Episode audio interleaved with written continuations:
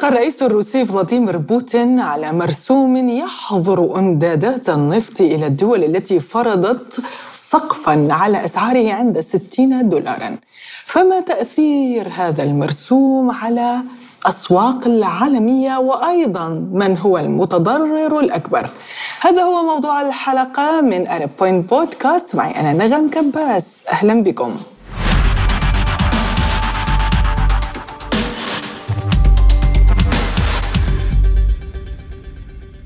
وللخوض أكثر في هذا الموضوع ينضم إلينا عبر سكايب المحلل الاقتصادي المختص بشؤون الطاقة الدكتور عامر الشوبكي. أهلا بك دكتور عامر في Arab Point بودكاست أهلا وسهلا يا أهلا. يعني نبدأ من هذا الرد الروسي. روسيا ردت على الدول التي فرضت سقفا على سعر النفط الروسي بأنها حظرت الإمدادات. هل يعتبر هذا المرسوم الذي وقعه بوتين شكليا أو بالفعل هو مؤثر على السوق العالمية؟ نعم وهذا المرسوم جاء محدودا بخمس أشهر سيبدأ من فبراير ويمتد إلى خمس أشهر وبالتالي هنالك فرصة للتفكير في دول تحالف سقف السعر أو ال price cap coalition في إعادة النظر في هذه السقوف في الفترة القادمة خاصة وأنه مع منتصف يناير سيتم أيضا تحديد سقوف أخرى، سيتم دراسة سقوف أخرى، السقوف الحالية لا تضر كثيرا بالموازنة الروسية هي تقريبا عند سعر التعادل للموازنة الروسية وبالتالي السقوف الحالية غير مضرة على الإيرادات الروسية من النفط كونها أيضا تبيع النفط بتخفيضات لدول صديقة منها الهند والصين التي باتت طيب غير مضرة على روسيا والاقتصاد الروسي من الأكثر تضررا دكتور منها؟ نعم هذه السقوف الآن هنالك منافع لبعض الدول التي تجني طبعا من التخفيضات على سعر النفط الروسي مثل أرباح تجني طبعا مثل الصين والهند وتركيا لكن هذه السقوف ربما وضعت لتأشير على رد مثلا على محاولة تغيير نمط العقوبات السابقة، العقوبات السابقة كانت كلها تأتي بنتائج عكسية على القارة الأوروبية وعلى الغرب وتأتي بنتائج إيجابية لصالح روسيا مثلا في العقوبات التي أضرت نفسها بها أوروبا بالنسبة لحظر النفط الروسي الموجه إلى أوروبا. هذه العقوبه تأتي رمزية بالسقوف الحالية. المخاوف الروسية ربما بتغيير هذه السقوف انخفاضا حينها ربما ستكون مؤثرة على على روسيا، لذلك أيضا كان الرد الروسي متأنيا و أعطى فرصة ربما يعني روسيا أعطت فرصة للدول التي فرضت عليها ربما للتراجع أو تماما هذا ما أقرأه من من المرسوم الروسي بأنه فرصة لعدم النزول بالسقوف أقل من الحدود الحالية. لأن هذا يعني أن مثلا هنالك مثلا خط دروغبا بالنسبة للعقوبات الأوروبية على النفط الروسي هو غير مشمول في هذه العقوبات. فقط المشمول النفط المنقول بحرا. خط دروغبا تعتمد عليه دول كثير في أوروبا مثل سلوفاكيا تشيك هنغاريا بالتالي أيضا بولندا وألمانيا.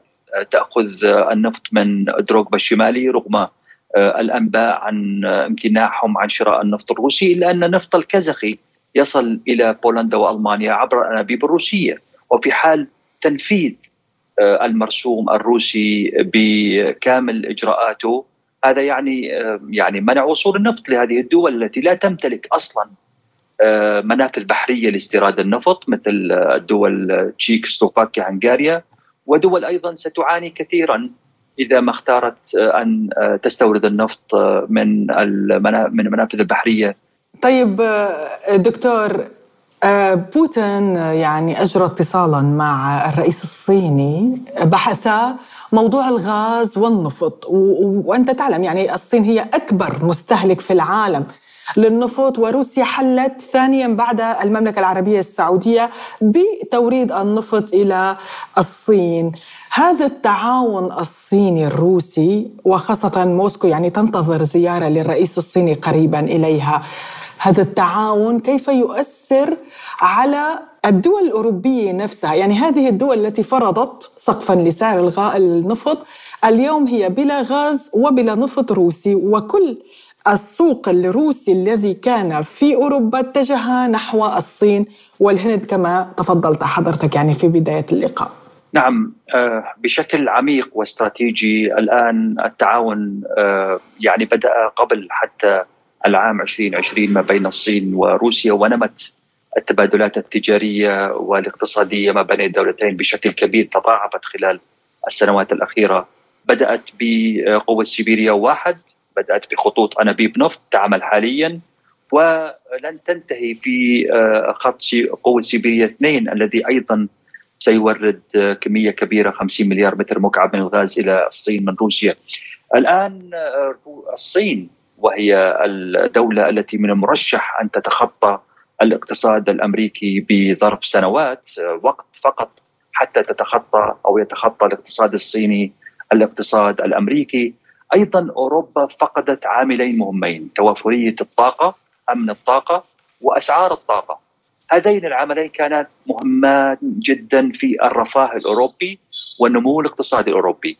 والآن غير هذين العاملين غير متوفران بالنسبة لأوروبا متوفران في الصين. الصين ستكسب في الفترة القادمة أمن التزود بالطاقة وأسعار طاقة منخفضة وهذا سيدعم اقتصادها بشكل كبير.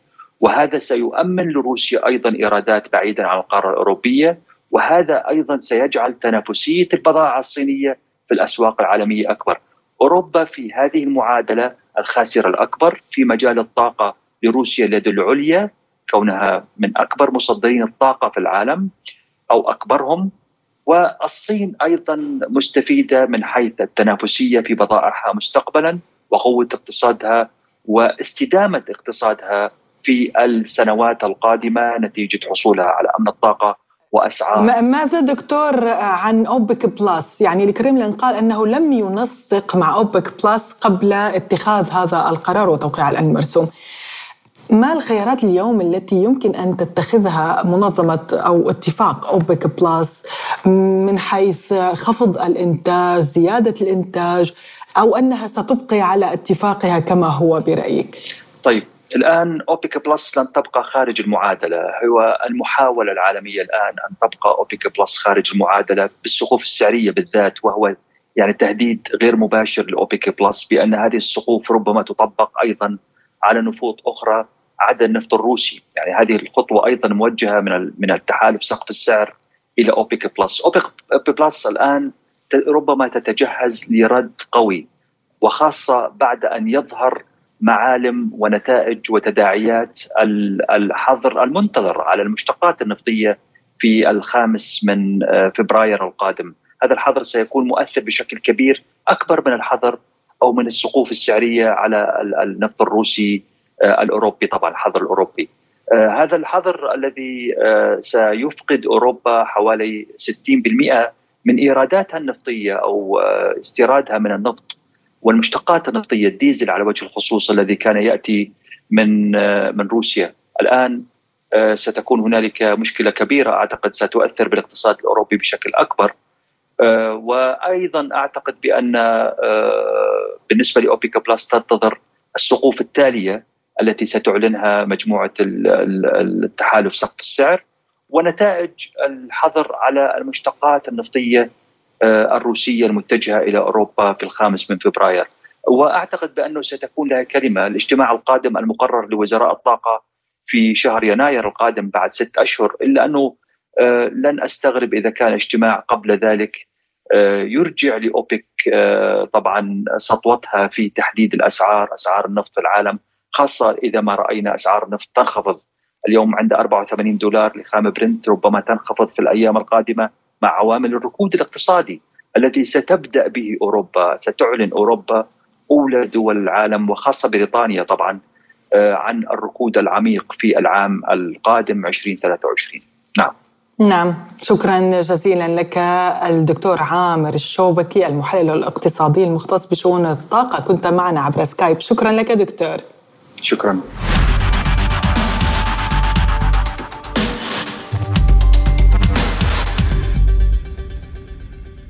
إذا استخدام الطاقة كسلاح ومعركة لتكسير العظم بين روسيا والدول المعادية لها أو التي هي تصنفها أنها دول غير صديقة.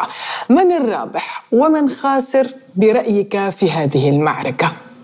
كانت هذه حلقة اليوم من أرب بوينت بودكاست قدمتها لكم أنا نغم كباس لا تنسوا الاشتراك بقناتنا على يوتيوب وأيضا متابعتنا على فيسبوك وبودكاست.